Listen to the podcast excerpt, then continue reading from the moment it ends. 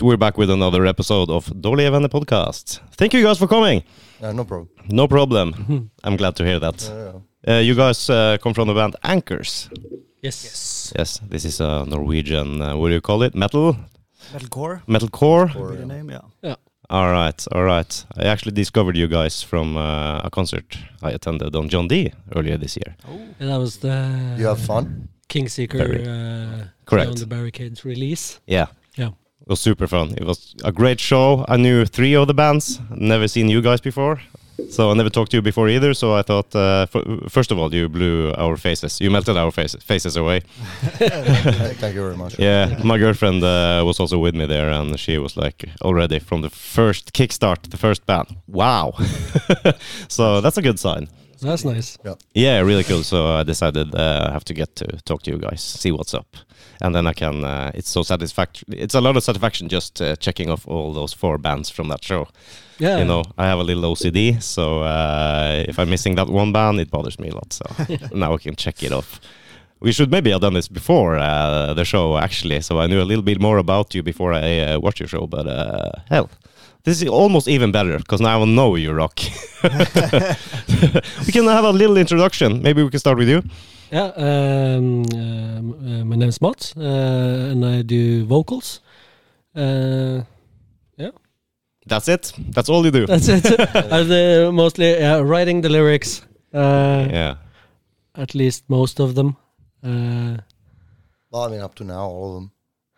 Yeah, but Andrew has been uh, jo- joining in on some lyrics. He's the only one not here today. Yep. Uh, but uh, uh, yeah, that's mostly what I do. You'll be grandly missed. Yeah. so, what about you? Yeah, my name is uh, Joakim. I play the drums. Um, also, I would say I write the drums, but um, this guy always writes the drums, and I rework the drums. Well, we, we, afterwards. we always write drums the way that guitarists write drums. Yeah. Okay. And then it and then it either sucks or can't be can't physically be played. Uh, what the f- And then uh, and then Joakim comes and makes it realistic and and better. yeah, yeah. A- Okay. And sometimes then you learn how to play them. Because that, that's the best part. That you learn. When he fuck himself over, it's like, yeah, that's so cool, man. And then suddenly realize I have the a truth. little bit, little bit uh, problem with. Um, I write the drums in the um, the music uh, software Yeah. beforehand, Yeah. and then when I'm gonna play it, because it sounds so fucking cool, and I can't play it, and I have to practice in the my parts. oh, cool. so, but yeah, And the last guy. Uh, I'm Nick. That's not like it's like a short term for Nicolò. I'm Italian, but I nobody knows me by my full name around here, so Nick is fine. Nick is Uh, fine. Yeah, play bass and uh, arrange. I guess. Like I have some saying when it comes to the arrangement and uh, when it comes to like the songs. I have had some sit downs with him. Andrew is like one of the, I would say, the main writer when it comes to the music. Like he writes a wild part. He he writes a yeah, he writes, writes uh, like a wild part of what's going on, and then either me or Mats, we just fix what the arrangement is going. So I don't know. For instance, he would fix some part that goes with the vocals, or I would arrange like some rhythmical parts in order for him to have drums that go. Maybe they were thought in a specific direction, and we just tweak it Ah, in cool. another way, and yeah. And I would like I would like to add that like when we because we we started the band uh, during uh, pandemic time. A and little earlier than pandemic, Yeah, yeah. and me and Andrew had been writing a lot of the stuff and the influence that both Nick and Joakim has had uh, on the music like after they joined Yeah. has been pretty big. It's uh, th- the sound has changed a lot from what it started as uh, as to what it is now. Yeah, I feel like it was like um, it was supposedly be a little more straightforward metalcore, and then it turned out to be a little more articulated because we we all have different, you know, backgrounds, and we all have different um, influences, and we all have different ways to play Mm. as well, according to where we come from, but also according to I don't know. I feel like how you perceive the instrument in a certain sense. I think that that's a part of the game as well. Yeah, it is. It's uh, often you, you feel like everybody's got their own sound, even though if, if they play the same instrument on all the same settings, you still got the sound. I guess that's the thing you can notice with great guitarists, for example, Yeah, that you can immediately hear who it is behind the guitar, yeah. even though you maybe haven't even, even heard the song before. But uh, okay, this is that guy. I can hear it, Yeah. or you can suspect it and uh, check it up. I was right. Yeah. yeah. So that's cool. Yeah, and the dynamics in the band always uh, usually changes too if you get in uh, new members, stuff like that. You evolve together and get new sounds, new ideas, stuff like that. Yeah. Uh, what uh, what year did Anchors officially get started? 2019. Yeah, 2019, that early, Yeah. Or, or late? I mean, guys were going on before that actually, but uh, Yeah, but we like. Uh, I remember we have it on the uh, on one of the T-shirts that we're selling. We have like established uh, 2019. so it's like I a, think. it's official, yeah. yeah, so that's when we like. Uh, but uh, it was we started talking about it right before the pandemic hit. yeah, And then when everything closed down, that's when we, uh, uh, me and Andrew, spent a lot of time in his uh, like home studio, yeah, uh, writing the first album. Yeah. And then we found you guys uh, not not too long after that. Uh, we hadn't. Uh, No, because I feel like when I, I joined first, and I think that you guys had maybe five or six songs when I joined. yeah something. Because like I that. remember every everything other than, I think it's like you already released "Take a Breath," like, as in like um I don't want to call it demo, but like an early version, Yeah, yeah. uh, in which me and uh, Joakim didn't record. Uh, but that was basically the only song that hasn't been like fairly tweaked mm. yeah. in the in what was going on. I think Yeah. the, it's the only song as well uh, where it's not your recorded bass. No, it is. It is in the end, but it was very. Oh, yeah, we it got was very change it, yeah. simplified uh, compared to every other song. Like Yeah. because the song was already out, it was already basically ready, so we just we just stuck with it, and then but then everything else was tweaked like immediately. All right, Yeah, that's cool. That's cool. Yeah. So you, you were initially just two. re- That was it. You and Andrew. yeah, And- we we started the like the uh, idea of the band, and because we studied together uh, at uh, Noroff, and then uh, when we uh, when we finished our two years study there, uh, we kind of started playing around with the idea of the band and Mm. everything, and then as soon as we had uh, gotten some songs together, we uh, started to try and find the other members. How did that uh, get? How did you guys get together? Did you like? Uh, was it ads and uh, or internet stuff like that? Seeking. I remember actually because uh, my girlfriend um, worked as an intern at Indie Recordings Oh, uh, at that time. She still works there now though. But uh, Mats also worked a little bit doing something at Indie Recordings Yeah, at has that some time. volunteering kind of. Yeah, Yeah. and uh, he just went into to the office and uh, just anybody know any drummers? Mhm. And my girlfriend was like, "Yeah, my boyfriend is a drummer." Yeah. And then uh, we decided to meet up at his 30th birthday. That was the that was the first time I met Mats. Mm. Oh, was it Uh, the summer you games went in with a Yeah, fucking boom. Oh, Yeah. That's But crazy. uh, we, I mean, we hit it off like Shit. immediately. So So you met him for the first time in his birthday party. Yeah. Ah, that's cool. that was the first first year of summer games. We Yeah. have it as a tradition now. Ah, Yeah. cool, cool. And you, how did you find this guy? Uh, you went to Italy No, to pick him friends, up. friends, in, Yeah. com- friends in common. Actually, I m- I moved. I moved with, with my girlfriend in uh, March 2019 here in Norway, and um, You moved to Norway. yeah, I Uh, moved to Norway. All right. Yeah, in 2019, um, and I started working for um, Brugata Oslo. I'm still working there. I'm the event manager there right now. On Brugata. Yeah. Oh, cool. And um, I started working there. And uh, one of the one of the part owners at the time, because he's no longer part owner of the place, uh, he used to work with you and Andrew, I think. Yeah, Bob. Uh, yeah, yeah, Yeah. they used to work together and whatever. And uh, I really didn't think much of it, to be honest, in the beginning. But because, like you know, uh, moving from another country and especially in a place like Norway, and at the times it was before pandemic, mm, you know, prices were very high, and I was more than anything focused on like moving in the country and having all my things set and everything.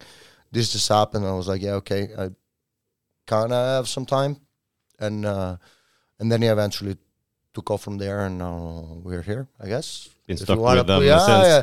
Uh, I've been stuck. I mean, it's a it, it's a fun project after all, you know. And like, I feel like it started um, very um in kind of an easy way, if that makes sense, because uh, there was a purpose uh, when it comes to how how to make the music, but at the same time, there was a lot of freedom on how to deal with what you're doing with the music. Mm. So in a sense, it's like, yeah, we want to play metalcore, but at the same time, there's no real restrictions on what's going on as far as the song is served. And then, uh, you know, at that time, you can. I don't want to say you can pretty much do whatever you want, but if you if you serve the song enough, hmm then it gets it gets into a very fun environment and like um, Yeah, yeah, I can imagine. it, it was like a very very very free approach, yeah. and I guess that like that's the not always, but sometimes the best way to Yeah, get might- into the thing. yeah, I, I could imagine. because uh, you feel like you have a say yeah. to some extent. Instead of just go right in and fill a, a role yeah, that's yeah, al- yeah, already yeah, set. yeah, yeah, So- yeah, yeah, yeah. So it might not fit you like hundred percent. No, but exactly, You can also evolve into Yeah. into the role. That's I cool. I would also say that like you you, you came into the band extremely overqualified for, for for the music that we had made up until that point. So it's uh, so it it's been really fun to just give him uh, the freedom to do whatever he liked to do uh, with the bass. It was uh, like for borderline weird to be honest, because like I haven't listened to like like I know metalcore, I know the metal scene, but I haven't been listening to metalcore in the last I don't know over ten years of my life. Oh, Not really? actively, no. Because back in Italy, I've had the like the guys know I, I've had like since 15, 16, I was into like the prog scene, like very very extreme prog. Mhm. Uh, so I've been playing like very technically hard music for the biggest part of my life, and I feel like I was into metalcore. mm, I would say until 16, 17 years old, and then uh, the whole prog projects just took over, and I started exploring music in another direction, and also the listen of the the listening experience evolves into a completely different sphere. Uh, so when they asked me, it's like, "Yeah, you want to join a metalcore project?" I was like, "I don't know, maybe I'm too old. I don't fucking know." and then, um, but then it worked out. But again, it worked out also because there was this kind of a open mindset kind of thing. Yeah. As far as it functions, of course, you Mm. can't. Of course, you can't go in and be like, "Yeah, I'm gonna do whatever fuck." No, it's to serve yeah. the song to some extent, but there is a wild aspect of freedom in this band. Yeah, it it's kind of a difference between uh, uh, going to metalcore, for example, from progressive uh, rock or metal. It's very weird. Yeah, it is. It's very, very, very weird. It is also uh, like I would say relaxed okay. in a, in a certain sense. Like you, you come from.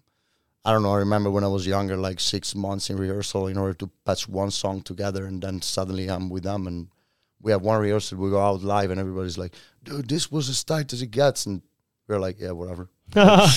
You're all naturals. That's no, why. yeah, no, it's it's it's a. I feel like it's a different kind of effort, and um, it relies on different things. Um, I feel like I've had a lot of projects that I had fun with, but they were more based on like being um, extra careful on what's going on on stage, extra careful on what you're playing, extra careful when it comes to like practice the song and everything. When it comes to anchors, of course, there is an element of technicality, but generically speaking, the live performance is more like a being on stage and having fun and project that as Yeah. hard as you can on the crowd. So everything else, I don't want to say it's irrelevant, but it's always like on a second spot.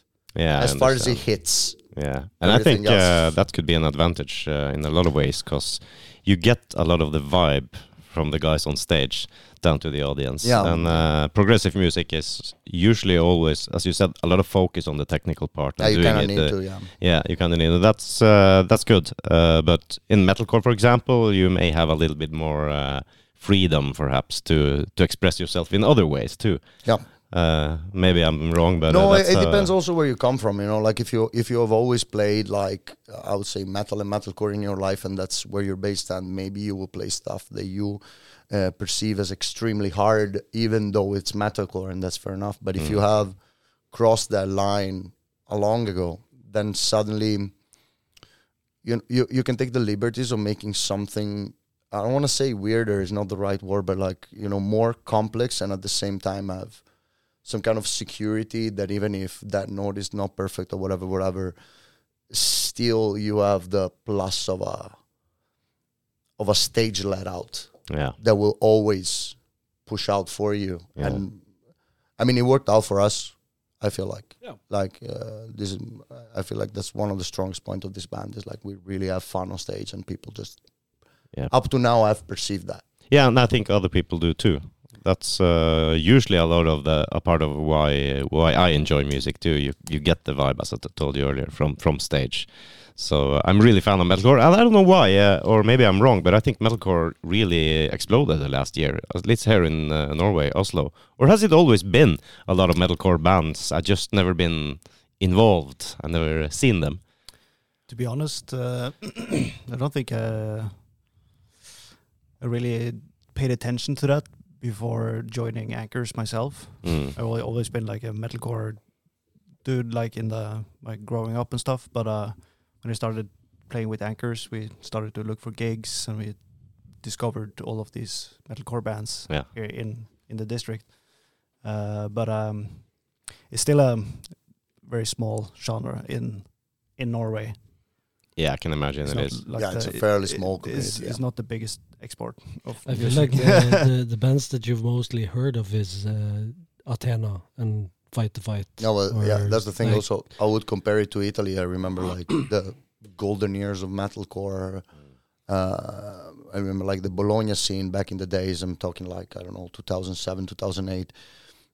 It was like completely blasted with these metalcore bands, and they were all like after the classics mostly. I don't want to even I don't even say like Killswitch Engage, but I would say early August Months Red, early Bring Me the Horizon. This thing was huge back in the days. They had a lot of bands and and the number is so much higher than it will ever be in Norway. You know, Mm, like yeah. I feel I feel like there there is some hype coming up right now, but it's it's not as big as in other countries. You know, in other countries, really like a a thing.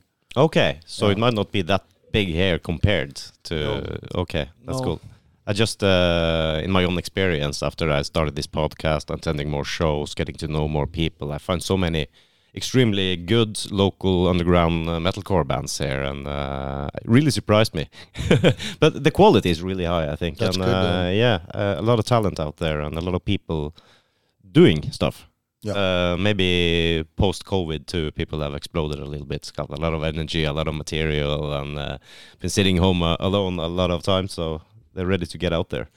Yeah. So, and you started Anchors in 2019. That's kind of uh, kind of a bad timing, though.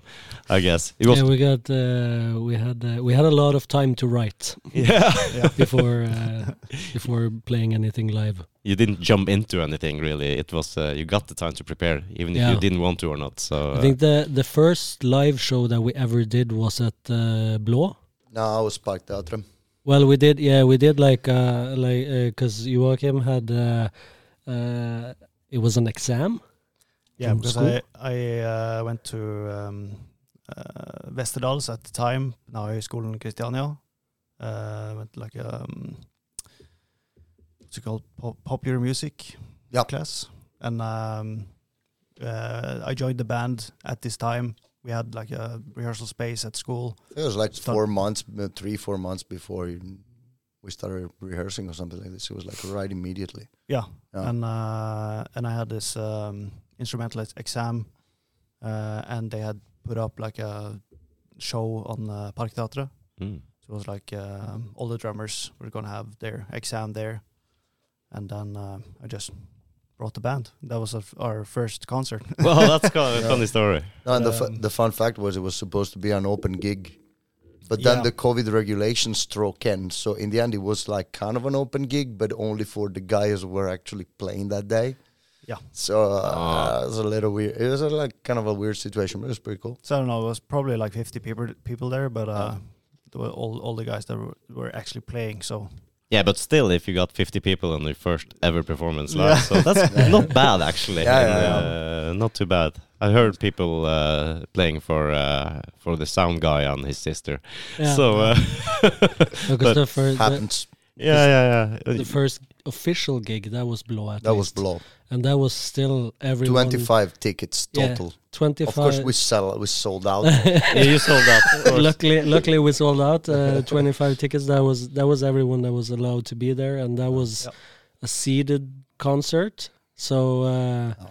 so it looked it looked like there was nobody there, but it was. Uh, a It's lot- actually sold out. it, it was a lot of fun though. Yeah. it was. Yeah, it was. It must be kind of difficult to go in playing for a bunch of cr- well, 25 people sitting down. It's like it uh, was uh, it was uh, to be completely fair, though, I feel like uh, there was also one thing. Like we were, um, we we were kind of hyped for the thing, and also we just came from the recording session, so we were all very prepared. The set, the set was solid when we Yeah. took it out of Blå. yeah. and and it was the first gig and whatever whatever and it was all close friends game and whatever whatever and i feel like the 25 people that were there they remember that night. Yeah. and at the end of the day i feel like that's all that matter. Because It really is. yeah because you you i'm not saying like of course to play in front of five people is never the best whatever. But um but that shouldn't be the goal you know? The goal should be to let the guys go home with something and i feel like Blå is possibly one of the most achieved gig in that sense like everybody had a ton of fun because they were all coming from like a pandemic Yeah. they were 25 Yeah. but they've been home for months they Ah. were looking for stuff and we were prepared for the gig so the whole combination of things it doesn't matter how small the thing was it really projected out on that small crowd Mm. And that was i mean uh, it's more than enough to have somebody talking about it if that makes sense Yeah, it makes sense. I You got more energy uh, divided into fewer people. So uh, yeah you and, know, and also it boosts the experience so much because i mean uh, normally speaking you would have like and I'm, I'm looking at it from an organizer perspective now you have i don't know like last week last friday you had 25 events in oslo in one night that's insanity Yeah. that's completely insanity back then you had nothing and you came from nothing. Everybody that was there they really wanted to have something and they got the time of their lives. So i mean we were very prepared for the gift but even if we were not that would have been a blast of a concert in that extent. So mm-hmm. you know if you put it into context i think that was actually a pretty cool gig yeah, but that's a nice way to see uh, to look at it too. Yeah. And not thinking, Yeah, oh, it's yeah. only 25 people, blah blah blah blah. Yeah, But uh, actually, it was really nice. It was. it was, was really nice and I remember we had because not not too long after that we had our uh, release gig as well, like for the for the release of the first album. Oh, we see it and we were uh, supposed to have we had it at Brugata Yeah. uh, and uh, we were supposed uh, I remember we were really hyped because that was going to be the first concert like after uh, COVID no. where people could be uh, standing up and uh, and you could uh, fill the fill the whole venue and then I think a week before the gig or something they changed the rules again back to like seating Mm. uh, and we were and we were super disappointed because it was a release gig and everything. Mm. Uh, but I remember being so. Uh, No, uh, there was I was another situation in which people at the time of their life, like even people that had no idea that were just there. no, but I Uh, was just really happy with the outcome because the because even though everyone was seated, it was such a such an awesome gig because we the place was still packed. Yeah. Uh, and it was just friends, family. I mean, we knew we knew everyone, and even though everyone was sitting, the the place just it was such an intense vibe. The whole uh, concert. I feel like the whole post-pandemic somehow paid out for everybody that wanted to go out there, if that makes sense. Of course, you cannot get the crowd you would get normally, but at the same time, you get different kind of feelings from people, and th- those feelings are very, very intense uh, after you know the closing and the frustration of staying home. Some people have been you know permitted or whatever for the longest time, and then they're they're finally gonna have their first money soon, so they can Mm. do some stuff. And um, to have events in that moment like uh, i'm looking at it from anchor's perspective but i saw it as well abroad. I was um, uh, brugata i was already organizing. I remember the first two three concerts. I think the first concert after the pandemic was waste the saint the first standing up concert.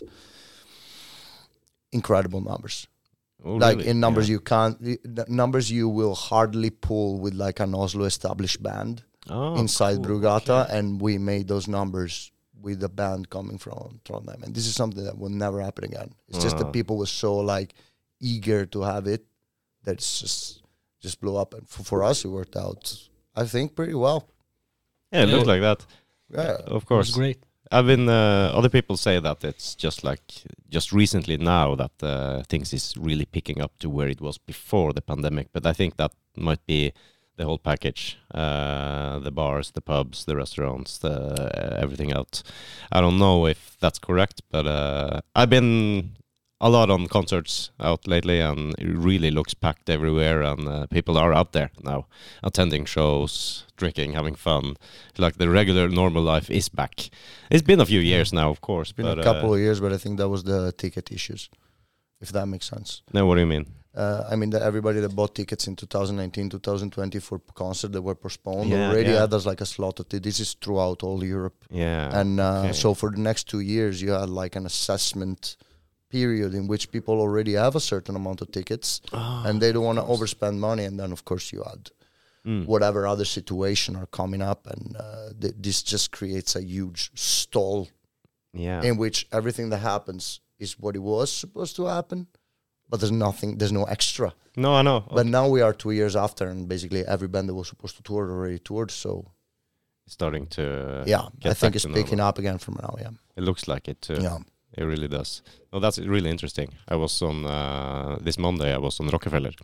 Mm. Uh, I got some tickets from my sister for Christmas. Me and my girlfriend for for Avatar. Oh, Yeah, well, nice. Yeah, uh, and Ether Realm from North Carolina was Mm. support for them. Okay. Aether Realm, I think. Yeah, Yeah. really cool. They were a good. Uh, Avatar, we know, is uh, a great live band, so uh, it was fun to experience that too. Met a lot of uh, cool people, a lot of friends over there. So uh, it was actually met Tord from Fight the Fight too. Yeah. Uh, back there, he was attending too. So uh, I met uh, actually met uh, Mikael Willy Wilhelmsson and his girlfriend Ella, who's been on this pod. He's an artist too. She's a movie maker, a director, stuff like that. So I met Arash Taheri. He's a great uh, a concert photo- photographer. yeah Yeah. I he's a great remember guy as well yeah Yeah, really, really cool. He, I was actually attending a, a music video uh, with uh, him and uh, Jana Yeah. uh, earlier this year, or was it actually last year? I think it's been released now, soon actually. So I, re- I remember him from Tons of Rock. Yeah. actually. Uh, just randomly met him on the bus, uh, like the the packed buses uh, that always goes uh, at the end of the evening. And then I met him just uh, randomly. yeah, he's a really cool guy, nice guy. A Yeah. really, really cool guy, actually. Yeah. Yeah. So, uh, but I uh, I noticed it's it was packed. It was sold out, and uh, the the line was actually going around the building all the way past Sentrum Scene and almost down to Gunerius. it was crazy. I only experienced that once before in uh, in Rockefeller. That was actually 2003, I think. It was a Manowar con- concert. Manowar. A Yeah. Rockefeller? nice. At Rockefeller? Yeah. That's crazy. yeah, That's crazy. It was really cool, really cool. So uh, that was fun. And uh, the John Dee night was uh, awesome. How did that uh, get together with you guys and the other bands? I feel like I mean, we got asked. Like, it was, a l- I mean, we are in, I feel like we are in very good relationship with both Beyond the Barricade and Kingseeker yeah. in and outside the band context, to be completely fair. Like, they're friends. How And good, la- good la- are those? Last year, uh, actually exact same date, like the 19th of January. True. Uh, the, last year we played uh, Salt, uh, and we had Beyond the Barricades uh, warm, And, uh, warming up for us uh, there. Yeah. Uh, with, uh, I can't That was remember the with, name. Uh, Um, uh, yeah, yeah, Fretmidden Fretmidden. from uh, We- Bergen. Yeah. Yeah, so uh, we had that the year before, and then it was a little bit. It, it, it was kind of fun now. it to was a, it just was a play, kind of funny. It was play the exact one same year. date uh, for Beyond the Barricades. Uh, It was the exact same yeah, yeah, yeah, yeah, Yeah. yeah. Wow, like one year. Too, that's kinda like, weird. On the weekend. Yeah. Yeah, so that was fun.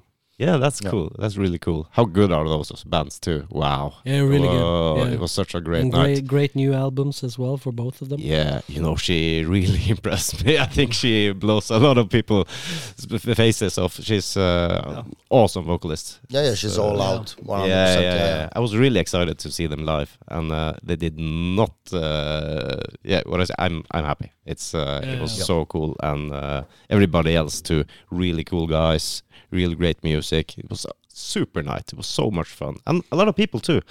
I don't know how many people attended. Uh, you got some Uh, numbers over 200, I would guess, because like uh, the tickets were 180 something.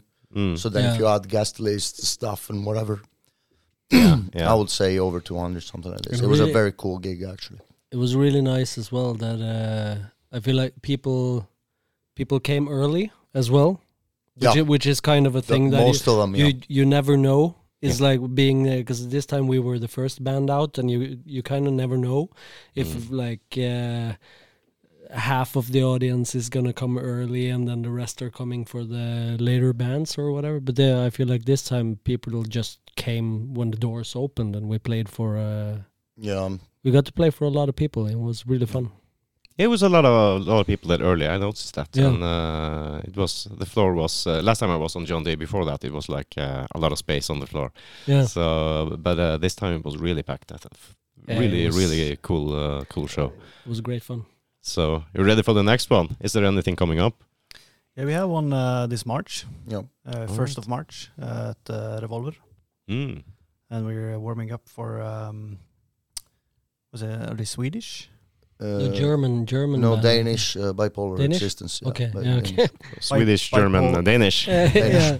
Bi- bipolar architecture. Architecture, bipolar Yes. architecture. Oh, that's a funny name. yeah. It's a it's a name. Yep. But uh, And it's with Chris Ended. And Crescended, yeah, of course. yeah. Chris presented, yeah. Oh, cool. That'd be a good night. Revolver. Yeah. Yeah. All right. And you got uh, you got some music coming up too. Is it some uh, new singles or albums? Because you released the last thing in December or November or something. Uh, late N- November. late November, yeah. Late November. We released Pandora. Yeah. Uh, where we got to we got to collaborate with uh, Jonas from Fixation as well. Mhm. So he uh, he joined us for that song, uh, and then uh, we're hoping for a release.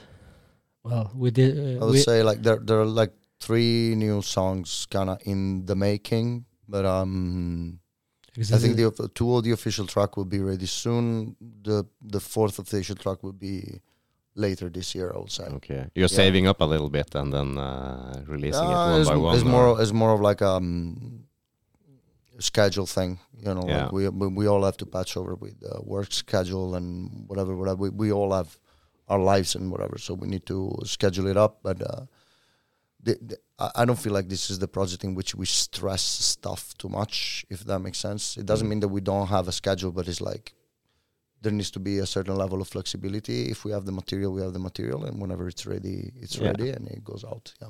It is a healthy way to look at Yeah, it yeah, too. I think. I don't think we're gonna wait years ever to make releases. If that makes sense, it's not like Tool. that would be insane. but uh, but yeah, there's no there's no real rush either. As far as is decently planned in advance, then we can do it. So I guess a couple songs in spring maybe. Mm. And I that- feel and like I feel like the the next one is probably gonna be released like March, April, Somewhere there. some yeah. somewhere around there. Yeah. Yeah. So got something good to wait for. Yeah. Uh, Hopefully, yeah. Before spring. Hopefully. For every for everyone that's been like at the last couple of uh, at, at last couple of shows or or coming uh, first of March, uh, we are playing we are playing the new stuff.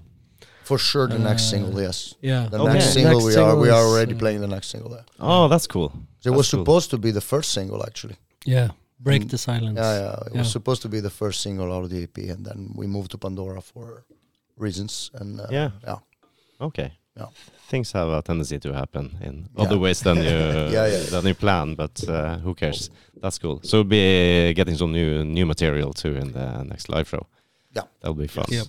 That'll be fun. Did you, what kind of projects did you do in Italy before you moved there? Did you Mhm. have, what kind of projects did you do? You told you you said you had some progressive uh, bands. Yeah, it's been I've been with this um I've been with this band I would call it I wouldn't even call it pro, I would call it like avant-garde. It was called uh, Eloa Vadath. Is um it's a Jewish derivative name. Uh we had two albums. I think one was in 2010 and the other one in 2013 Mm. um, that was like um, I would say the the project I grounded the most. That was like uh, very weird. As in, yeah, it was like mixed of clean and dirty vocals, one million sections, songs that go between six and ten minutes each, and Alright. violin, Okay. like active violin, not like not like contour, more like a active violin playing riffs. It was a very, it was fun when, Yeah. I, especially when as a, as a as a young guy, you know, as a young kid, because uh, when I recorded the first album, I was actually 16, so it was a, wow. I was a yeah. kid. Yeah, that, yeah, that's Uh, kid. There was uh, there was a lot of fun. There was a lot of like way too much liberties, maybe, but um, it served the purpose at least. And then um, then that band basically dismantled, not dismantled, but like died down because it was very hard to find a drummer that could actually play that stuff uh, in the moment we needed a replacement. And that band became um, big, released like an EP under the name of Judas the Dancer, and that was more like a very high gain math rock with pop chorus, something like this. We were very very tired, and on the side I was playing in uh, Modena, which is now my home city, with this band called uh, Aseptic White Age. We have two releases, and uh, that was like the the fastest way I can describe it is like a mixture of the whole explosions in the sky post rock thing with animals as leaders, with saxophone instead of vocals. hmm So it's Interesting. yeah, as always, he has been weird for a long time. So what uh, what made you move to Norway? I wasn't working out down there. You wasn't working. It wasn't, working, out. No, no, it wasn't working out. It's not. I, I still believe it's not working out. I'm, I'm from uh, northeast Italy, like near, like one hour away from Venice. Um, but I'm from countryside, and um, things don't work. Okay. Um, you know, been doing I've been doing music for most of my life, but at the same time, you know, I got my graduation. I am, I am graduated in Venice University in uh, Chinese, and um, and linguistics. in Chinese Yeah. linguistics. Yeah, I, li- I lived in China for uh, for an entire summer working when I was twenty as well. Like uh, I've done a lot of stuff, but I, at the end of the day, you know, couldn't find a job. Nothing was working out. Prices were going up. Uh, expectancies and many like I don't know. I just I never really liked the vibe, and at some point, it really starting to wear off me. Mm. You know, like I want to go somewhere where, you know, I can just do things in another way. And at the same time, to be completely fair with you, I, I understood later on that for me it was not about working like playing in bands, but it was more like working with music, working with that kind of environment. And in Italy, there's um, it's a very sealed um, industry. Like you don't get to meet people. It's very hard to meet people, especially at decent levels.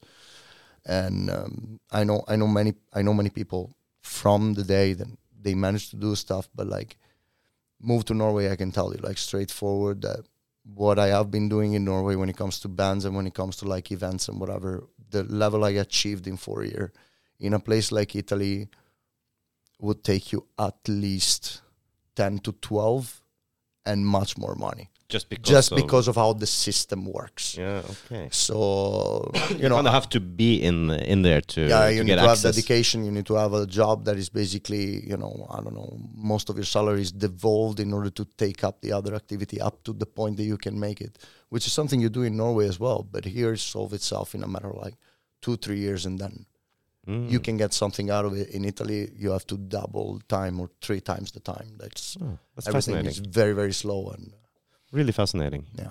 Uh, you have any, any idea why it's like that? Mhm. Any idea why it's like that? Is it just a culture thing, or is it like uh, the music industry? It's probably a culture thing. It's probably like it is music industry as well for sure. Like uh, uh, it, th- there are many aspects of there are many aspects of you know life in Italy from an insider perspective that are mm, very different from you know uh, you go on holiday there.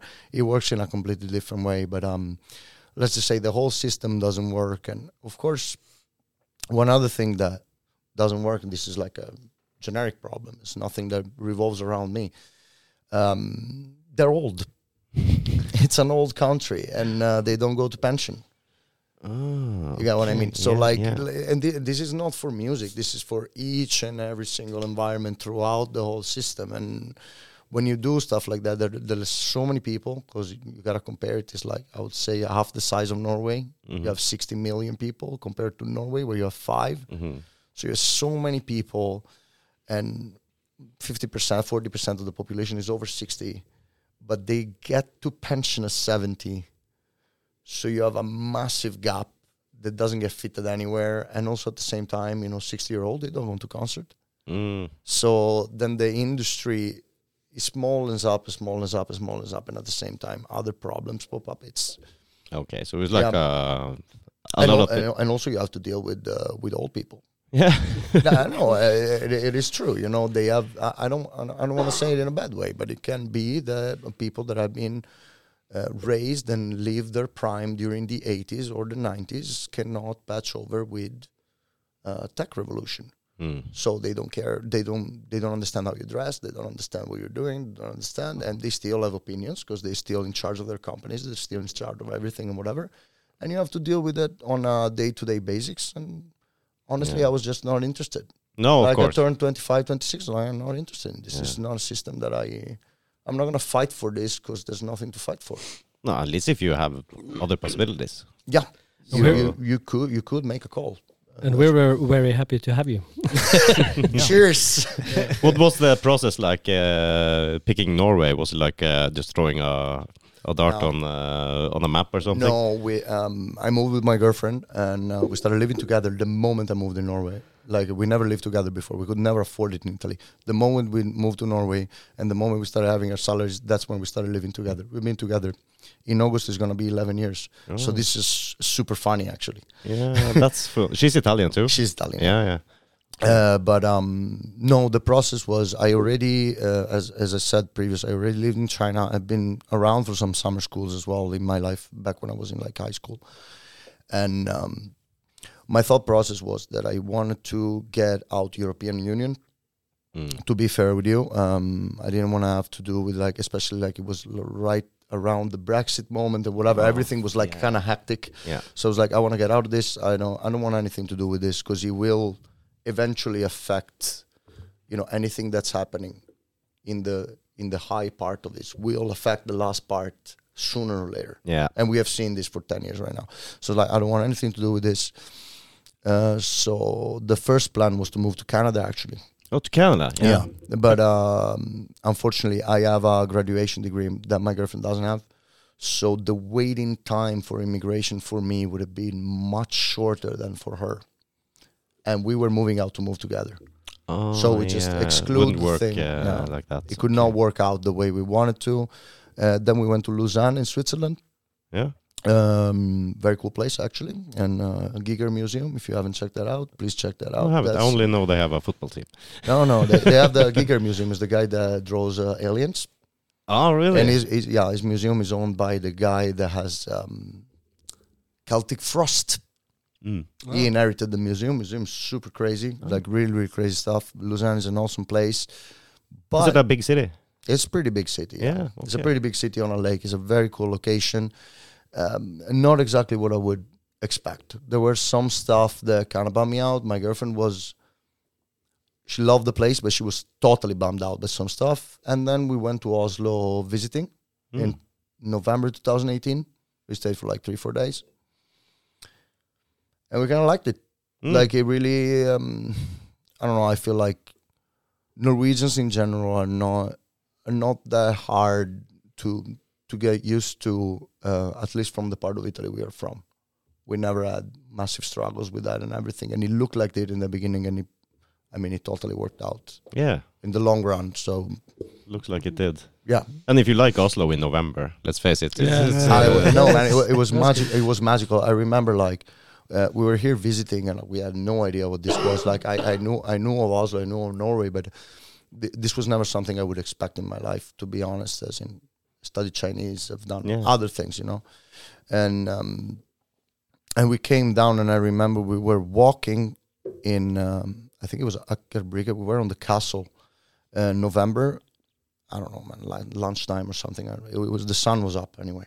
Mm. Like it was very sunny. Everything was completely iced. I think it was like minus five, minus seven or something. So everything is iced. The sun is very up, and then they had this like Christmas bells playing from like the community building or whatever. Yeah. I don't know. It was kind of a moment right there. Like you look at it, it's like this place looks like a fairy tale, and uh, to to me, it still does. Like there are some moments in Oslo in which I'm kind of I remember when we had the minus 28 and you had like the the fucking uh, smoke coming out of the water Yeah. uh, and Yeah. whatever. I don't know, man. You get, I, there- there's something about it. It's really, it really is a precious place. Yeah, yeah. So, uh, and uh, you get used to it and you don't get it. But then if you really read in between the moments, is a crazy place to live. I think if you've seen it from a little bit of distance, uh, you're not used to it. It could be something special, I guess. Especially if, if it's cold outside and it's winter here, you got um, the humidity in the air just crystallizes and everything is like There's blinking and something about the lights and something about the way the stuff looks like. Uh, It's like crisp and it's like Yeah, uh, it's and something. uh, That's the thing. Like I come from like they they know this very well. I come from one of the top three um, most misty place in Europe. We have mist like six months a year. Like Oh, mist, really? mist Yeah. that you can't see. I'm talking like I, I have driven in my life with one and a half meter visibility on a highway. like that, that, that- that's Wow. very normal for where I come from. yeah. It's a very very humid place where I'm where I come from and. Uh, what I realized, the, the first thing I realized when I moved to Norway is that I could see colors. Because when it's that misty, uh, everything turns to a shade of gray. and then I moved to I moved to Norway in. March, and when the sun goes up and everything, I'm looking at the houses like Jesus fucking Christ, man! I've never seen colors in my entire life. It's crazy. but it's all, but it's always really fun when we're going uh, when, when we're playing concerts because we usually drive wherever we play. So when we drove to Bergen, Got my man driver we- right here. yeah, Jo- Joakim always drives. We we say we're gonna switch, uh, and, but- and I help him out. He doesn't but trust me. al- 'cause- he, doesn't trust me though, because I'm an Italian driver. So he's like, Yeah, that's fucking. that- I mean, that's know, fucking scary though. But uh, no, but uh, it's it's really fun because uh, when we went to Ålesund, when we went to Bergen, uh, and these places, it's Bergen really was crazy. like because he's because he's never seen it before, any Yeah, any of course. it. So it's re- no. it's really nice just uh, stopping at places. because Uh, it's completely different from uh, what you're used to. And I'm not saying that Italy is not a bad place, you know, but like uh, we went to I don't I don't know the name of the park, but the one that stands in like, on the mountains in between Oslo and Bergen. There's like this national park. It was completely iced when we went to Bergen. That was it was uh, uh, Hardangervidda. Yes. Yeah, Hardangervidda. that's crazy. Because for, uh, for me, um, like that that kind of like landscape experience is more like leaning towards like the Alps. Mm. But the Alps, they're mountains. Yeah. Like it, it, it- it's not mountains the Norwegian way. I'm talking mountains. You're looking like a piece of rock is like 3,000 meters, and it's crazy to look at. But you have this, you know, it's Mm. very imponent and it's very like this. That looked more like whiteness forever. Like everything is iced, and you can see all the way to the horizon. It's the same color. It's, I don't know. It's crazy. Yeah. It's, it really is crazy. It's a complete different experience. It's something new, I guess. Uh, and the Arctic climate and um, geology stuff like that. Uh, And you got, the, of course, all the west coast with all the fjords and mountains there, but you got the high mountains there too, as you say. It's a shout out to Ålesund. They did very good with the location. I gotta give to them. yeah, they got a good Yeah, spot there. the, the the city is gorgeous. Yeah, I actually never been to Ålesund or Bergen. It's crazy. I feel like I feel like you mi- kind of missed out on the mo. Uh, we need more time the next time. I'm from Ålesund, Yeah, I know. uh, so uh, I live in the life. yeah. So we need to we need to like hit. But but we went to the we went to Fjellstua, right? Like Yeah, yeah, the, yeah. uh, Viewing point. Yeah. Okay. I feel okay. So you've done fifty percent. No, but then uh, like, like location, everything is uh, it really it really is awesome. No, not saying anything because like uh, as well as Bergen, like Bergen was fun because we got the first weekend of sun of the year when we Yeah, played that's there. true. Oh, That's true. wow. We, Yeah, g- we got there on the like the, the best weather yeah. Yeah. the whole year. The only time I've been to I Bergen like in my we- life, I was just cruising, Then and they you're were like, "What the fuck, You're man?" really lucky. Yeah. oh, that's super fun. That's so great. Uh, I'm from uh, northern Norway myself, up Mm. in Finnmark, so uh, sure. we got a little bit of different different uh, landscape there, but uh, it's still beautiful. I like it there. Because I I- started out in well not Finnmark but Indre Troms. Ah, that's not far away from uh, Finnmark. Yeah. So I've had like thirteen years uh, Indre Troms, uh, thirteen years Ålesund. so you you lived there until you were 13, Yeah. and then you moved My to Ålesund. my mom still lives there. ah. Uh, and my uh, sister uh, works in Hammerfest. ah, cool. Yeah, so I went to school in Hammerfest. My first year uh, on what do you call it? Uh, no, no uh, call high school. Uh, first year as uh, I was uh, studying to be an electrician. yeah, okay, yeah. So Grundkurs.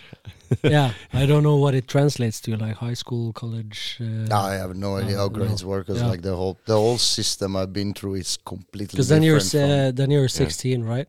Yeah, I was 15. I'm born 15, late, 16, uh, yeah. December That'll be child. high school for me. High school, yeah, Yeah. yeah. Yeah, so you got we got the nine or ten years later now uh, in the. Everybody does the same thing for the Yeah. first ten school years now. It was nine when I went to school, yeah. and then then we move when you're like 15, 16 to to study the things you're going to be. So, Yeah. but it's not like a high school college thing. yeah. It's a little bit uh, different. Uh, Hammerfest is uh, fascinating. Nothing grows above uh, what is it, like half a meter? yeah, something Yeah. like that. Yeah. Nothing. It's just it's not, right. nothing grows. No wind, huh? No wind. You know what? When we land the the plane uh, in Hammerfest airport, it looks like uh, one of those Harrier uh, fighters because it just goes down like this. Yeah. There's so much wind. you actually I'm, can uh, just. I, I'm actually I'm actually really terrified because uh, in uh, in May I'm going up there for my sister's 30th birth- birthday, and I hate flying. You hate flying. Uh, yeah. Okay. So uh, and the only way to get to Hammerfest uh, from Tromsø is uh, with the Widerøe. yep. Yeah. Like a Uh, propeller uh, yeah, plane. That's uh, gonna shake so much. You'll I'm gonna be so drunk. It's gonna be The whole alright. You'll live. It's 2024. They can fly that stuff, man. Yeah, it's just I hate alright. flying. They're really good pilots up there. Yeah, Yeah. that's what I've heard. Yeah, they have to be, I think, because Yeah. it's uh, it's challenging sometimes. Yeah. You gotta get the trainee. Hey, But the moment you jump in, it's like, hey, check it out. so we got a we got a trainee with us here today. oh hell no!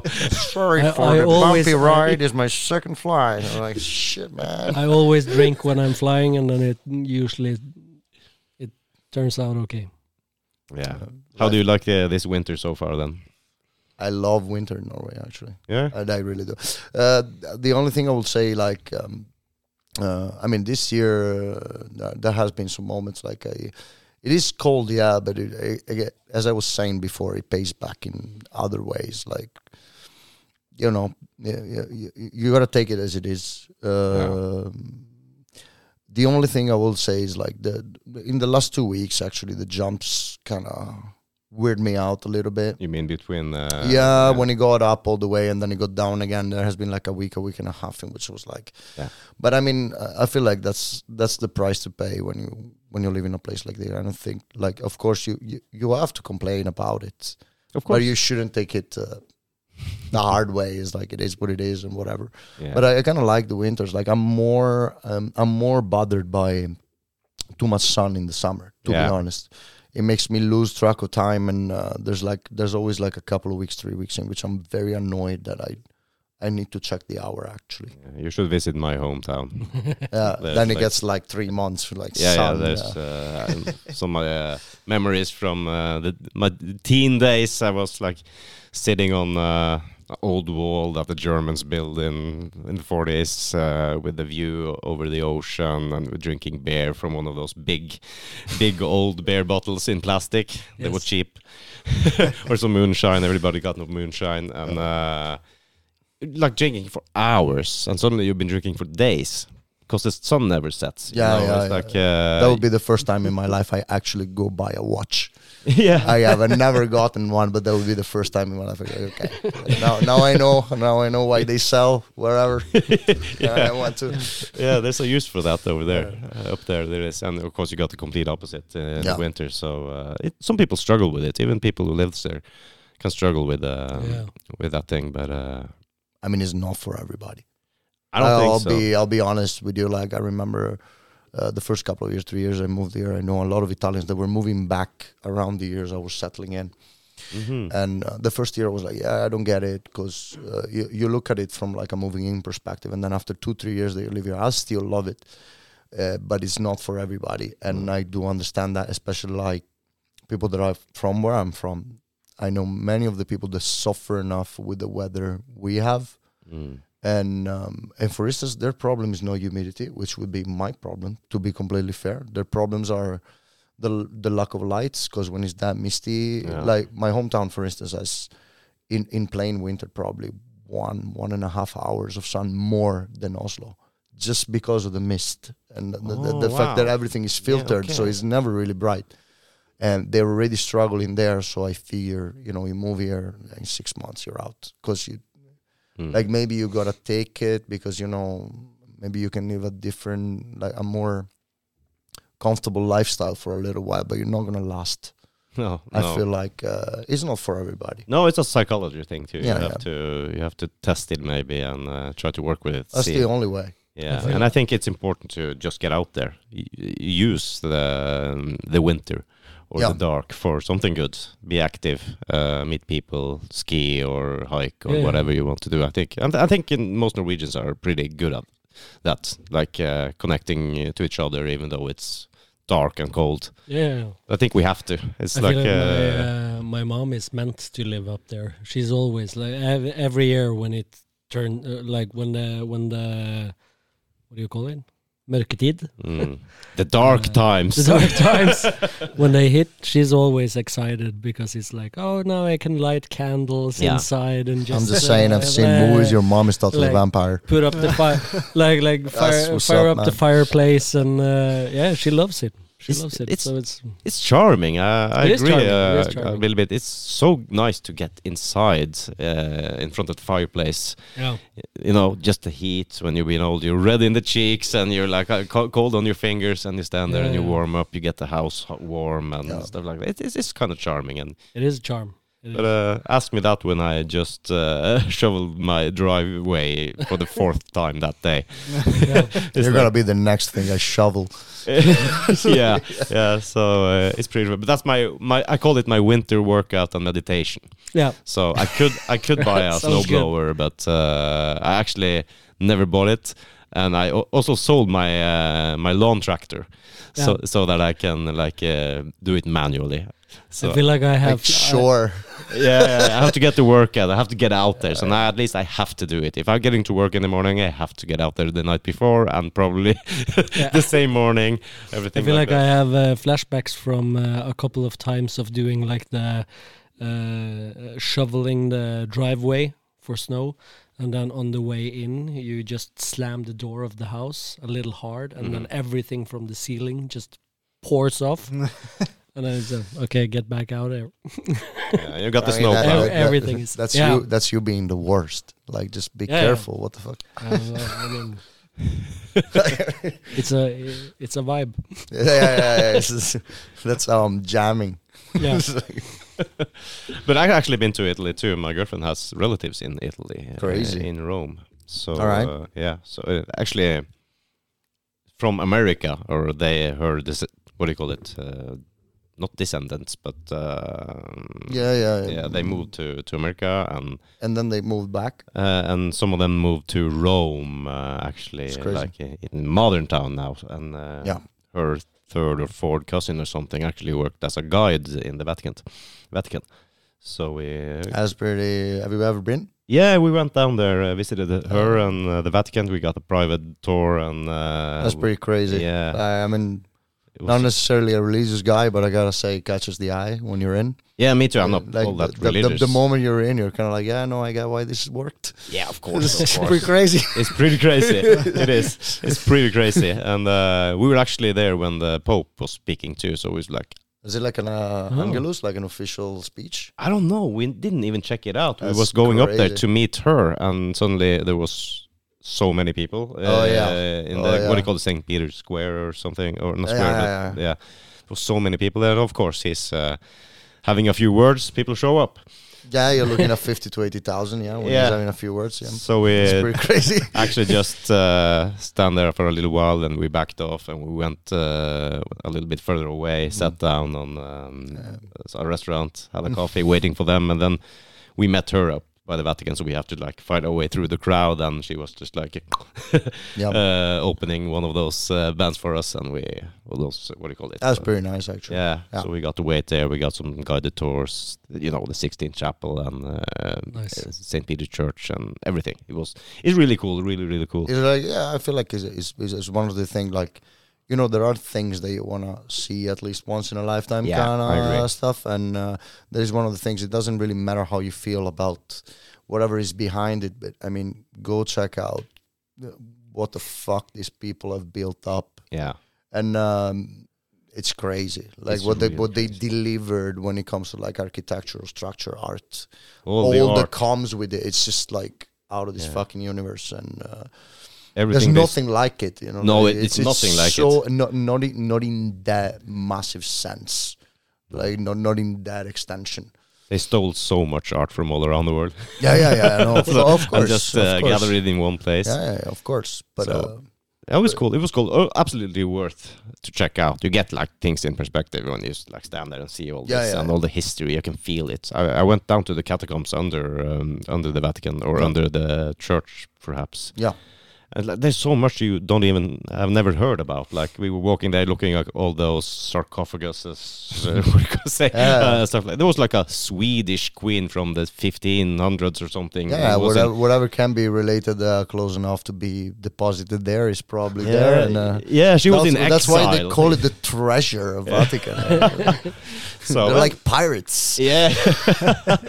so, but uh, she was in. Uh, it was like a sign. Uh, she was in exile in Rome in 1600s and died there or something like that. Yeah. I don't know. I didn't get the full story, but we visited of course the Colosseum and everything like that. You have to see it when you're there. Yeah, fun. But the best thing about my uh, our trip to Rome was actually we we uh, hooked up with all the guides in the evening from the Vatican.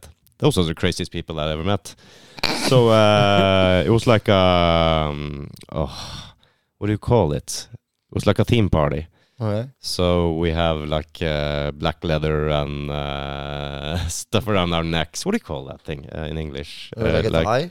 Huh? No. No, you when you tie up and you wear black uh, leather and uh, you just uh, like not not a sex thing, but like a like a BDSM. yeah BDSM okay. uh, theme stuff. So all those guides you saw, saw the in the day like showing all this Jesus stuff.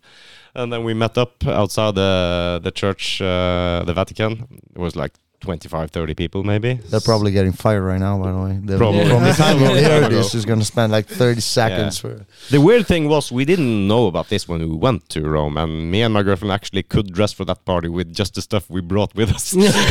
so that's kind of uh, that's kind of weird. But uh, anyways, we did that, and then they uh, rented uh, an old church just outside of Rome. That uh, that's uh, no longer in in use. So uh, yeah, because that's the only way in Italy when you want to have like private party and everything. It cannot be actively in use. It needs to be. I don't remember the, the the word in English right now, but it needs to be. It's not sacred anymore. It's No. just, it's been taken out. Yeah. And I think this was like a, a, a place where they use people rent and have Yeah. parties and stuff. They had painted the entire thing pink inside. It was a really Mm. old stone church and all those small rooms and steps and everything. But it was just so fucking cool over there. So it was like really cool place, really cool people. Actually, the the rugby team from Rome uh, joined. So there was like 25 guys suddenly You- there you, with you, uh, won't, you won't believe this, but um, I actually played rugby for like eight years, and my hometown team is the last last year Italian champions.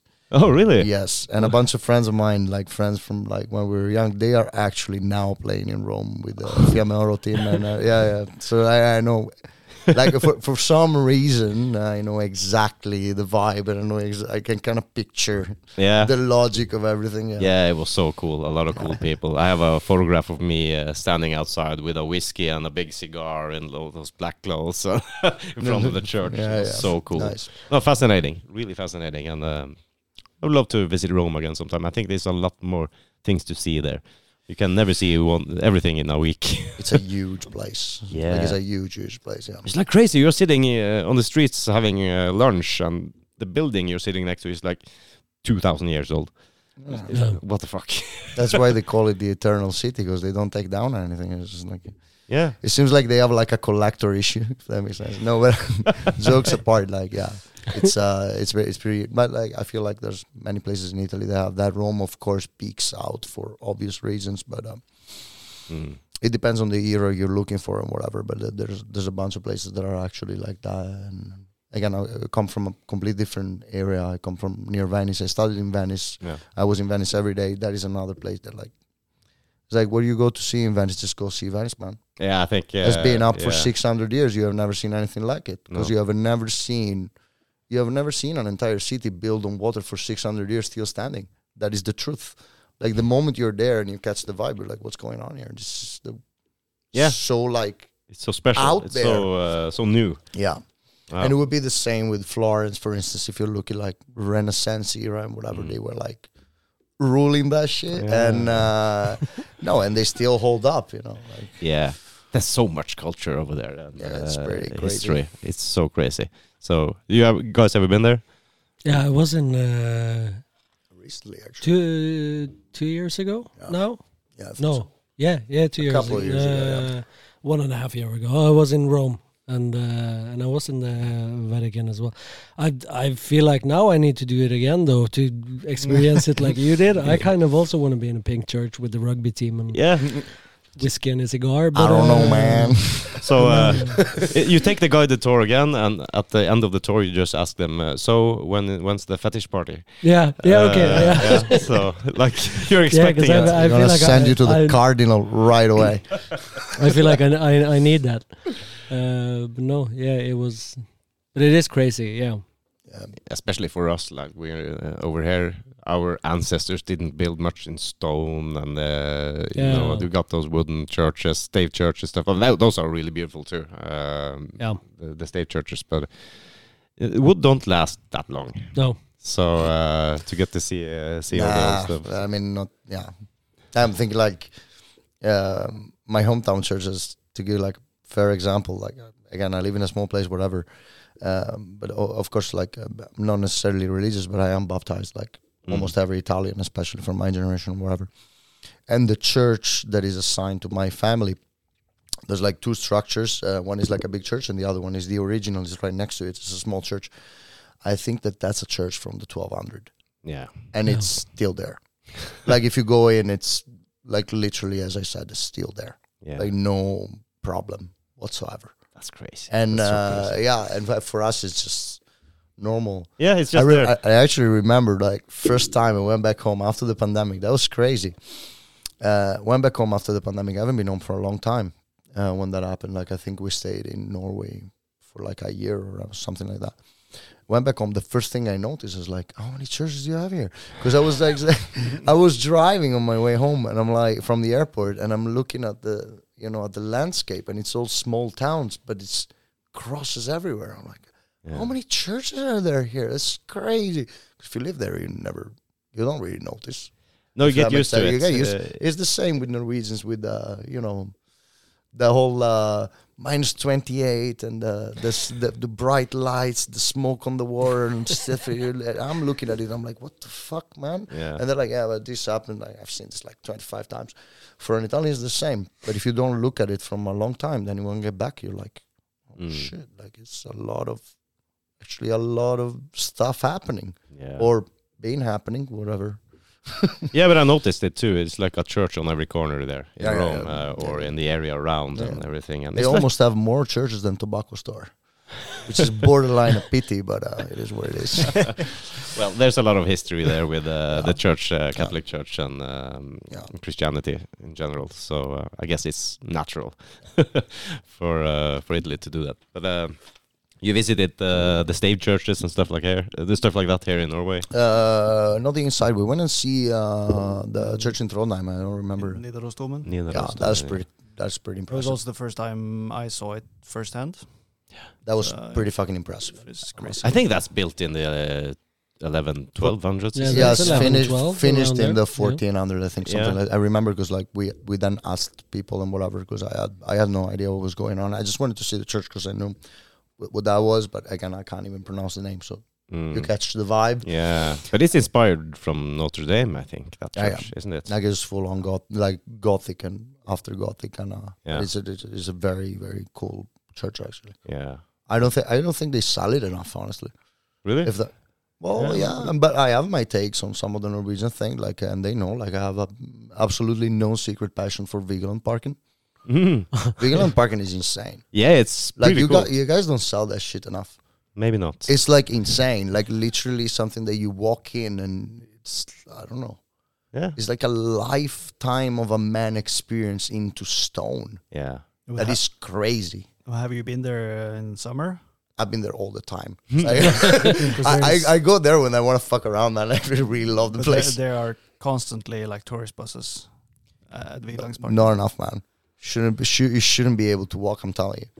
like I, I've been there. Yeah. I've, been, I've been actually to the museum as well, where they have like the um, the stone uh, shapes for the statues. There's a museum right next to it. Okay, I haven't been there. There you go. You Yeah. don't sell it enough, man. I've seen it all. It's crazy. I'm telling you, like You- completely crazy. You know more about it than we do. No, no, yeah. it, it really, it really, it really, it really is crazy. That and also the um, the brother uh, Vigeland Mausoleum, the one you have in Slemdal area. That is also like, of course, it's a small piece and whatever, but the experience of that, Mm. such a unique thing, is so like, like the, visually and of course. Then I don't know if you have ever been there, but you have like an 18 seconds reverb, so you basically cannot speak inside because the Oh, moment yeah, you no. get inside, every single noise is amplified to whatever and I don't know. I feel like, and then the eyes get used to the darkness, and you start seeing the paintings, and it's completely covered by Vigeland's brother paintings and his his own mausoleum. It's crazy. Yeah. It really Wow. is crazy, and it's stuff that like most people don't even know about. I feel like you should let people know. This is really like Isn't that there's uh, like a pearl right there. Yeah, but I think it's pretty common. You don't appreciate that stuff that's closer to you. That's Yeah, I close feel, to I you. feel like no one has ever sold me more on uh, Vigelandsparken than, than Nick And now Vigeland, has sold Vigeland me. Is crazy, man. Yeah, I, ca- I can't stress this enough. It really is. And when I think about this guy, man, he worked his whole life to make this stuff happening. I don't even care how. Like, can you imagine like starting when you're like 30 and finishing stuff when you're dying, and it's like one project. That's all you're gonna do, and it's like all your energy, all your focus, all of your everything into this thing, and then it comes out like that. yeah, it's pretty well done. And It's crazy. and uh, where do you get the inspiration for that? I wonder. Where where do you where do you Well- get the ideas? it's like a man throwing around children, and uh, it's like the Vigeland uh, Park and uh, stuff like that. It's you know, when you live like 60, 70 years, you feel like a lot of stuff can happen. the monolith. been where around. Did, where did that come from? Like, uh, yeah, I guess he's an artist uh, by nature. He he sees things. He get inspired to do stuff like Probably. that. Yeah, yeah, yeah. No, 100%. But either way, you know, it's like, I don't know. So where do you guys get the inspiration when you write music and do stuff like that? Is it art or is it other bands, other artists, or just your own feeling? well, I I have my take on this, but I'm gonna let you go. Joakim. No, um, uh, when Andrew Andrew is the is the guy that usually has the ideas. He he pro- He's the idea guy. yeah he he usually records something. They, he has like a drum groove over it, records something, and then he usually um, uh, have a placeholder holder name with all the bands that he was inspired from Oh, on that cool. song. Uh, It's that's like- true. And then, Yeah, yeah, uh, yeah, and then he also does this uh, uh, kind of he, he does these little uh, experiments sometimes Mhm. where like uh, I don't know if we've used it. I think maybe it's like one of our uh, latest uh, uh, latest uh, what do you call it? Uh, Like demos or demos. Yeah. one of our latest ones was like inspired from his phone number, where he just Yeah, used, yeah, yeah, yeah, he yeah. just used tabs and then he used his phone numbers to make a riff out of it, and then he and then I think he he put that into. Uh, uh, some um synthesizer uh, MIDI kind of thing, and then he just learned the riff afterwards. Yeah. and then, yeah. Yeah. Uh, but he has some uh, original ideas for um, He has its ways, yeah, for sure. That's pretty pretty creative. Yeah, yeah, yeah, yeah. and it No, but- usually works out really but it well. al- is also how it is, you know. You gotta get inspired by whatever. Like, uh, have you seen the movie Frank? I'm not sure. You should watch the movie Frank. So it's it's it's this this crazy composer, whatever, whatever. But there's like this one scene is like a snip of the movie that is really like. It is describing the creative process like one on one, and it is playing with a straw. You know, like this straw that you can bend Mhm. to like drink, Mhm. and he's doing like the Yeah, no, I know that. and he's looking at the straw and for like I don't know 20 seconds and then he goes like I find this inspiring and then he wrote a song but but that is the thing. Like it's just it's describing the creating process. Like in in like one one scene of the movie you have ev- everything you need to know. Like you Wow, you, you don't really you shouldn't really expect much more than that. It's just it's just a trigger you know? yeah, it's- yeah, yeah. I guess be you have to be aware of the inspirations around you too. What? Yeah, it's it's more like I don't feel like it's more like getting inspired. It's more paying attention over stuff that will trigger something. if Yeah, that maybe. makes sense. Mm. Like in my experience, for instance, the more I listen to music, the less I write music. Oh, really? That's what. Yeah, yeah. Okay. Yeah, when I have like moments in which I listen to a lot of music, I write. Uh, I write stuff. I, I I don't even write stuff, or I write stuff that I would just throw in the garbage immediately. Like I listen to it, I'm like no, and then and then I would have moments. He knows very well, very well. I would have moments in which I'm watching movies for like two weeks, and in those two weeks I write three songs Ah, okay. because for some reason I, I, everything is stored in the back of my head, but the trigger comes from something else. Yeah. Because You it- know what the trigger is? Could it be anything? I feel like it's a vibe. it's a vibe. Yeah, Ah, more more a yeah. vibe. I think that that's I feel, and I feel like this is for Andrew as well. It just works very well with music as well for him because sometimes he would listen to something and he's like, okay, it's totally catched in that. But I feel like the the true inspiration is and should be in general more in the vibe of what you want to do rather than how it really sounds. Yeah, you may have a point there. you know, if yeah. music is a language, we all talk differently. Yeah. So you shouldn't expect to communicate your personal vibes in words or music or whatever you have um, through like a direct exper- inspiration. Mm. You should have you should acknowledge the vibe and then figure out a way to rewrite that vibe yeah. over what you are. Yeah. I guess it's important to be aware of your surroundings and trying to Yeah. to catch that vibe and maybe translate that. Because we all catch it differently. It goes Yeah. back to the Vigelandsparken of before. You know, many people I know they're like, "I've been there. I don't care. I've been there. I was blown away." Yeah. But there, but but that, that that's it, it's a reflection of what you are, Mm. and it's like the way I catch the vibe and the way I give the vibe back to the world and what that experience is for me is different from each and everyone, and Mm. then that affects music, affects language, affects everything. Yeah, it does. It's crazy that vibe feeling. I got that in the down in the catacombs under uh, the Vatican. Yeah. uh, I, I'm not. It is very real there, by the way. Yeah, Like- yeah, because I'm not Christian. I kind of gotten more spiritual in my later years, but I'm not Christian. I'm baptized and everything like that. I worked in churches uh, when I was a young, uh, young, and uh, I actually rang the bell manually every holiday That's for pretty hours. cool, actually. yeah, yeah, yeah. I do, did all that stuff. I dug graves. I've done everything, and uh, but it was always like a nice place for me to be. I enjoyed the um, the atmosphere, but I never really got the the religion or the belief Mm. the beliefs. But when I was down in the catacombs too, I was like, it's more like for the art and for the experience, and I really got like a weird, crazy vibe down there. Like Yeah, yeah, yeah. almost got overwhelmed. Yeah, you're like now I know why they like 1,000 years ago. Imagine you're there 1,000 years ago. Of course you're gonna believe. Yeah, yeah. Of course you're gonna believe. Yeah, Exactly. shocking. Exactly, On it's any extent. Yeah. and my body was kind of shocked almost too, and my, or probably my mind too. But uh, it was kind of a weird vibe. I could probably write a song about that. you should. I'm not sure. I um, have no musical talent whatsoever, so uh, that's why I talk to people who do. it's much better. so, uh, so uh, you guys, I didn't hear anything from your background. Uh, you guys had some earlier projects before you started this this project. Work, uh, played in other bands.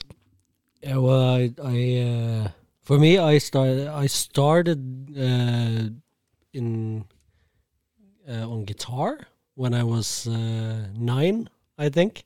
Oh, My mom ruled me into uh, like guitar school. oh you got uh, the, the full package there. Yeah, yeah. Yeah. So uh, and then uh, I remember she was the guy that uh, like he was my stepdad for uh, a number of years. Uh, he was a blues musician, Oh, that's cool. uh, so he uh, he actually got me my first guitar, which is still like my the guitar that I definitely uh, love the most. Mm. Um, so I've been playing guitar the whole way, and then I started with uh, with the vocals around like when I started. Uh, I don't know what we said it was like high school, uh, like when I was 13, Yeah. 13, 14. Uh, You got mid school for me right there. huh? You got mid school for me right there. Yeah, okay, mid school. Yeah. Uh, no, so uh, started Don't hurry uh, up. vocals then because that's when I moved to Ålesund, and that's uh, when uh, like the music scene opened up because before that, I lived in a super small village in uh, north of Norway. Yeah. Not a lot of musicians, and uh, it was just um, the guitar school and everything. And then uh, Ålesund opened everything up. We started bands and stuff, and then I played in bands from 13 to uh, 26 before I moved to Oslo, and then I studied music there, and uh, uh, and then we started Anchors. Like And then you started that. Anchors, yeah. So uh, But it's true if you're from a little little place in northern Norway, it's like kind of hard to find a band. Yeah, really.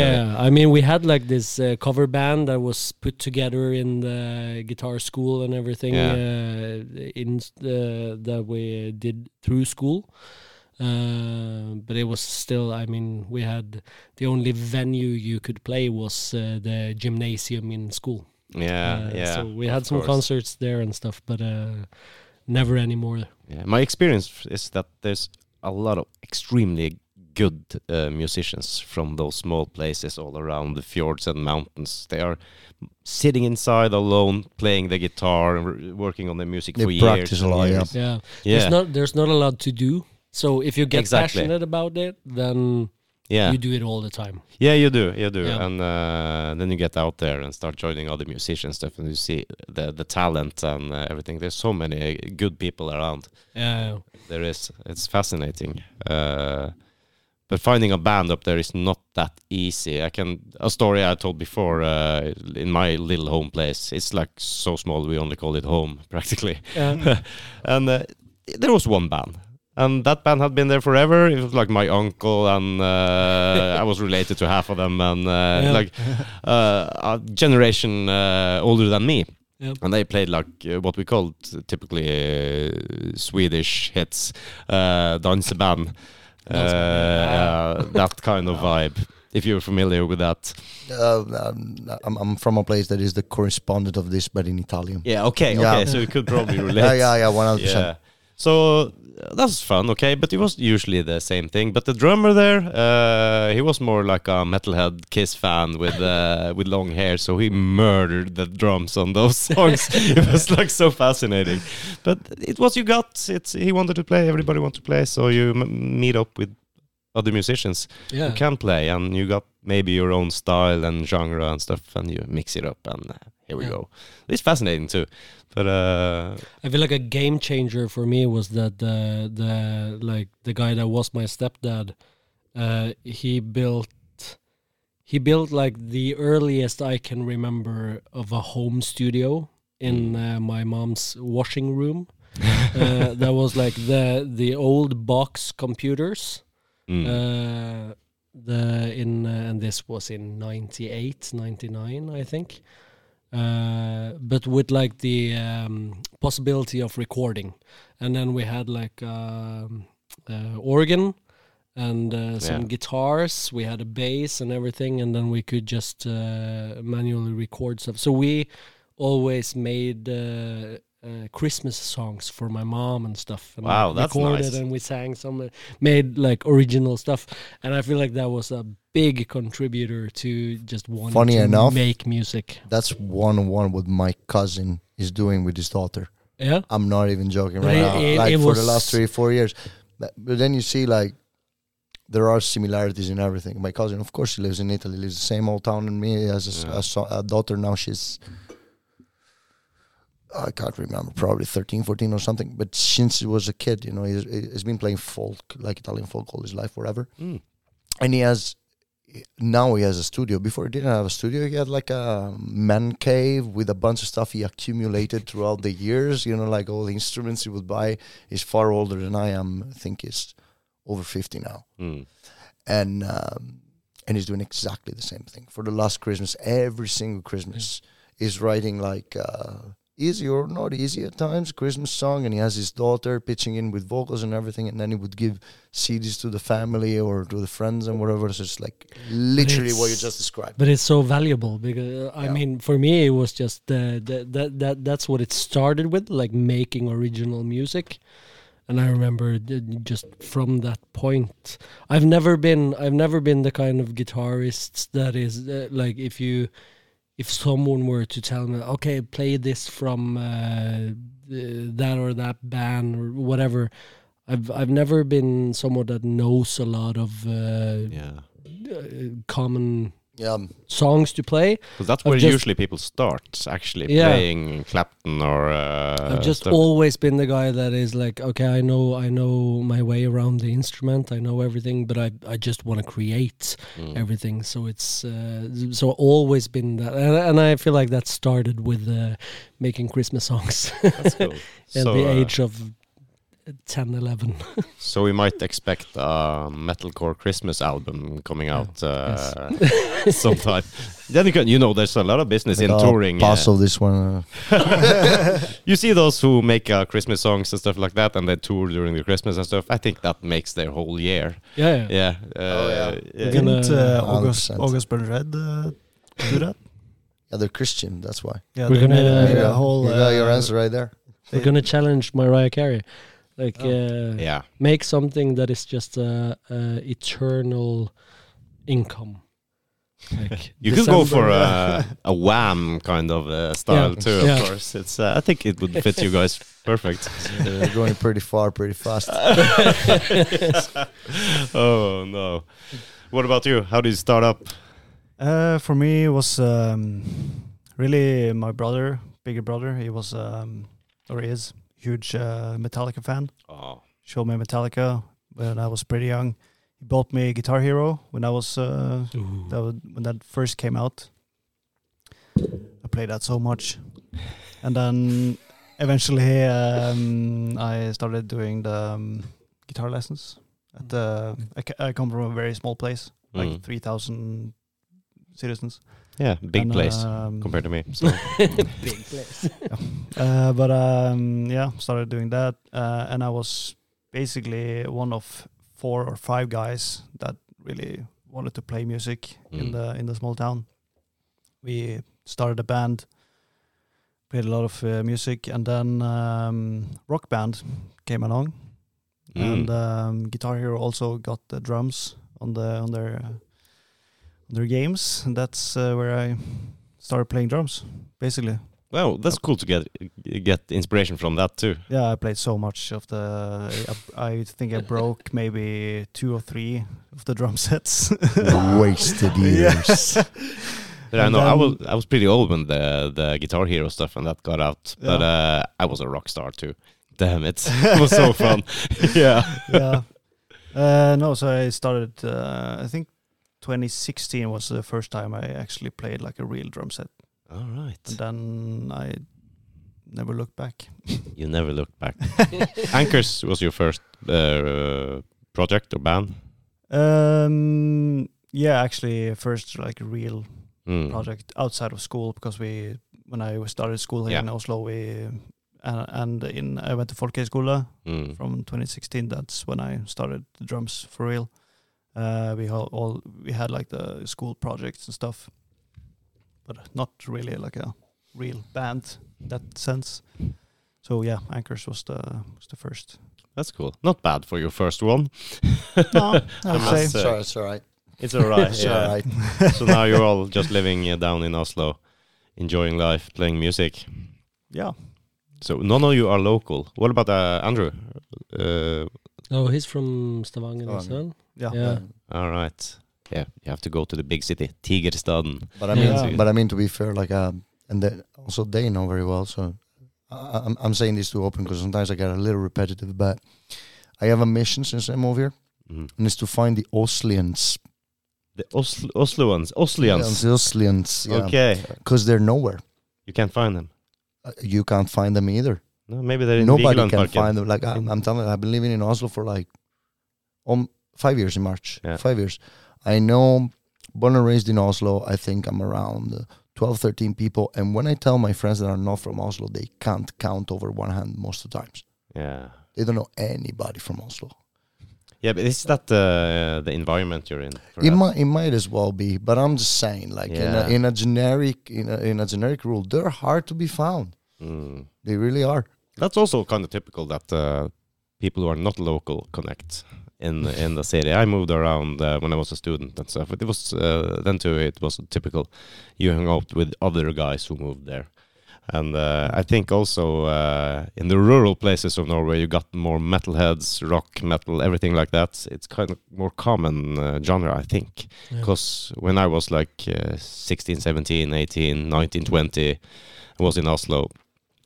I also got the vibe that the locals may not. They had different kind of style of music or uh, what they liked and listened to.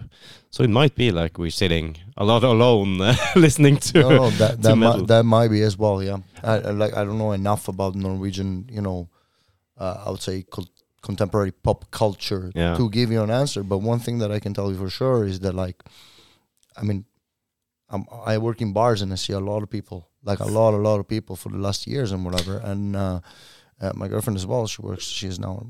She's gonna be a restaurant manager, whatever, for for a restaurant. We have, we have all worked around and they're nowhere. Mhm, They yeah. really are. Yeah. Like, uh, I believe mean, you. I was like, where are you from? It's like the best answer you're gonna get is Lillestrøm yeah, that's the closest one. or Bærum. yeah, Bærum. Okay, even Like, in proportion, I know more people from Bærum yeah, than actual people from Oslo, yeah. which is crazy. That's kind of weird too, because Bærum's Same. got that uh, reputation too, to be maybe not uh, metalheads. Um, And I, every time they tell me you're from Bærum, I have this thing that I was like, yeah, spoiled brat. I will tell nobody that you're from Bærum, but you're spoiled brat, and Yeah. that's how I'm gonna call you from now on. That's it. I guess they're fine with that. Nobody ever complain. No, I can imagine. So They that know. kind of proves the otherwise. yeah, but you know. gotta have your fun. usually self-aware. Yeah. Yeah. Selena is actually born and raised in Oslo. I know. You know. I kept her in the count. She's on the list. you got you got a list. I, I do. No, I do. I actually do. No, but when you mention it, uh, she is probably the only one I know as well, Yeah, she's she's a rare breed. and her uh, friend. Singular. No, 'Cause that would be I, that I crazy. know. Like, um, no, no, she has the a lot of friends though, but uh, that I know like Right. personally. Yeah. It's the longest break in the whole podcast. yeah, it was. Uh, Very intense moment right there. Like, oh shit. yeah. All right, guys, we're going to uh, what do you call it? Round it up, runde av. Uh, so uh, okay, okay. Tell people again. Your next gig is in on Revolver when first first of March. March. Yes. First of March with first uh, of March. Crescended and uh, Bipolar Architecture. Yeah, Yes. people should uh, get there, buy tickets. Can you buy, uh, get the tickets online? Yeah, you can get the ticket on the event. I think. I think Yes. they're using Tikkio or The event Yeah. is up on Facebook. Yeah, I believe. the event Yeah. is up Yeah. on Facebook or yeah. And so are you guys? You're on Facebook and Instagram, I guess. Yes, Uh, Facebook, Instagram, uh, TikTok as well right now. TikTok. Oh, That's pretty Ah, crazy. Yeah. I'm thinking about thinking about it, joining TikTok too. Yeah, Go with the flow. It's time. Yeah, I installed TikTok on Tik TikTok on my phone like a few years ago, and uh, it lasted three hours. And I said, I do not have time for this, so I had to delete it. I actually have no idea what's going on with TikTok, but I'm gonna say this here right now. So uh, just for the records, it's like you're never gonna see me on TikTok because I can't dance, Yeah, um, and that's as far as I can go. yeah. But it's so it's so time consuming as well. I have I, I still don't have it myself. Why do you know? But uh, huh? Why would you know? No, it's my, my uh, uh, Maria, my girlfriend. Mm. She has uh, has it on her phone, and we Crazy. kind of tend to both be looking at her phone. Oh, yeah. Uh, Like sometimes m- just it's like- watching mesmerized TikToks. by but Look it's at this. just, it's just, I mean, I get I, I, I get trapped in uh, Instagram Reels for a long Yeah, time, it's and if I'm gonna have TikTok uh, as well, that's just Yeah, but it's exactly the same thing. yeah.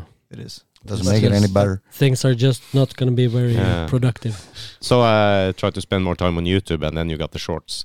Yeah. So God, Yeah, it. yeah, God damn. yeah, yeah, they catch you no matter what. Facebook is also getting there, so Yeah, but I actually feel Mm. like the YouTube Shorts uh, is like more uh, relatable to me. I, uh, it's more stuff that I actually care about Yeah. on there than it is on the Insta Reel and stuff like that. I don't know if it's true, but uh, maybe it's- it's because of the subscriptions I have on YouTube. perhaps. Probably. Yeah, Yeah. probably. I think That so. probably helps a on good, YouTube, yeah. uh, good Yeah. algorithm for. Yeah, because on Yeah, okay. Instagram and stuff, it's more uh, a widespread of. Uh, Yeah. It's bigger. It's uh, on And now YouTube. we got the threads thing as the thing as well. I still haven't I understood how haven't, that uh, works. no, that's Is not. it, isn't it kind of Twitter? I think it's text X. X. Oh, X. Yeah. Oh Sorry. shit, man! I'm sorry. God damn. Oh, as far as I know, it's like uh, Instagram's version of X. Yeah. yeah, it's okay. like the text based. Is now thing, making an uh, There's- X version of Instagram? Question mark. We don't need that. We don't. We do No, not need. We'll that. leave to tell. Really don't know. Are you guys on YouTube? You got some music videos yeah, and we stuff got like that? uh, we Yes. got some music video. Actually, Pandora had a music video uh, out in late November, made by our friend Ollie. Which is to, Oh. to be fair, shout out to Ollie. Yeah, shout out to 'Cause he- him. shout out to He's, Ollie because uh, he's a fucking uh, he's fucking doing at least the next beast. music video as well. 'Cause Oh, he's cool. been for the Break the Silence song that we're releasing next. He's been on. yeah. I think he's been on uh, No, no, he's- ten gigs Yes. or something. Mm. He's a very Uh, good friend. He's a beast of a worker, and he's a beast of a video maker, and uh, very, very creative individual. And uh, Yeah, That's the people you have to mingle with. that, that's the Definitely. that, that, like honestly, from my perspective, that's that's the people in my life I wish I had before. Okay. It's yeah. really, really on uh, like huge shout out to Ollie. yeah. because he's been uh, for the last ten one. Because we're doing like a kind of like a live show music video thing, Mhm. like a little bit of behind the scenes of what we do when we play live and stuff. And he's been there for at least the last 10, 10 shows filming filming for this next song. Yeah, and, yeah, yeah. uh, Wow, that's I great. know, He's and he, ha- just, and he has uh, consistent material nonetheless. Like he, he- he's consistently giving us materials. Like, yeah, but you have enough material for the video. Yeah, yeah, I don't care, I don't care. And it was the same for Pandora. It was just that's the kind of guy that would just show up and like, yeah, we fix this like this, this, this, extremely and good that. photographer. Extre- well. extremely Yeah. good photographer. It was just like, yeah, we do this, this, whatever, whatever, and you're like, you know, zero expectancies, and then it just delivers super fast and super accurate, and just like wow, so whatever, man. Yeah. Big shout out to him. yeah, big shout Yeah. out. Yeah. one. And uh, what's your uh, what's your Instagram name? We have to plug it a little bit. Anchors official. Anchors official. At, uh, It's Anchors official, yeah. It has, uh, Anchors the official. Huh? Anchors the official, isn't it? isn't it? Is it? So. Fuck. Yeah, I'm check that sure out, man. yeah, but I guess if you search for anchors, you probably If will. you search for it, it's us- uh, it, it at least has like a, a big A uh, Mm. as uh, Which is not our school marks on average. no. For the record. that is that is oh fuck. This is uh, on uh, airplane mode. Yeah, but uh, it's uh, it's uh, Anchor's uh, official. Anchor's the official. Okay. That's oh, there we go. Yeah, Yes. Sorry. Yeah. My And man right here.